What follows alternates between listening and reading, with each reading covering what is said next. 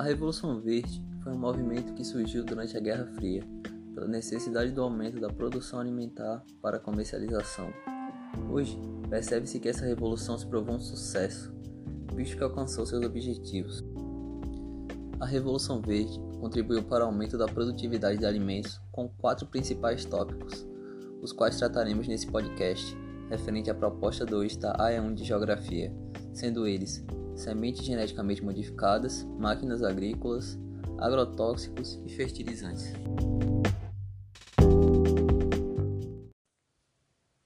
Substâncias químicas sintéticas, também conhecidas como agrotóxicos, são utilizadas na agricultura para matar fungos, insetos, bactérias e outros seres considerados nocivos para a produção agrícola. Os agrotóxicos foram desenvolvidos durante a Revolução Verde para facilitar o desenvolvimento de produções. No entanto, gera problemas ambientais e na saúde pública, como veremos nesse podcast referente à AE1 de Geografia, proposta 1. O principal impacto do agrotóxico na saúde pública é o desenvolvimento de doenças como câncer, asma, diabetes, mal de Parkinson, Alzheimer, leucemia, atraso mental e esterilidade.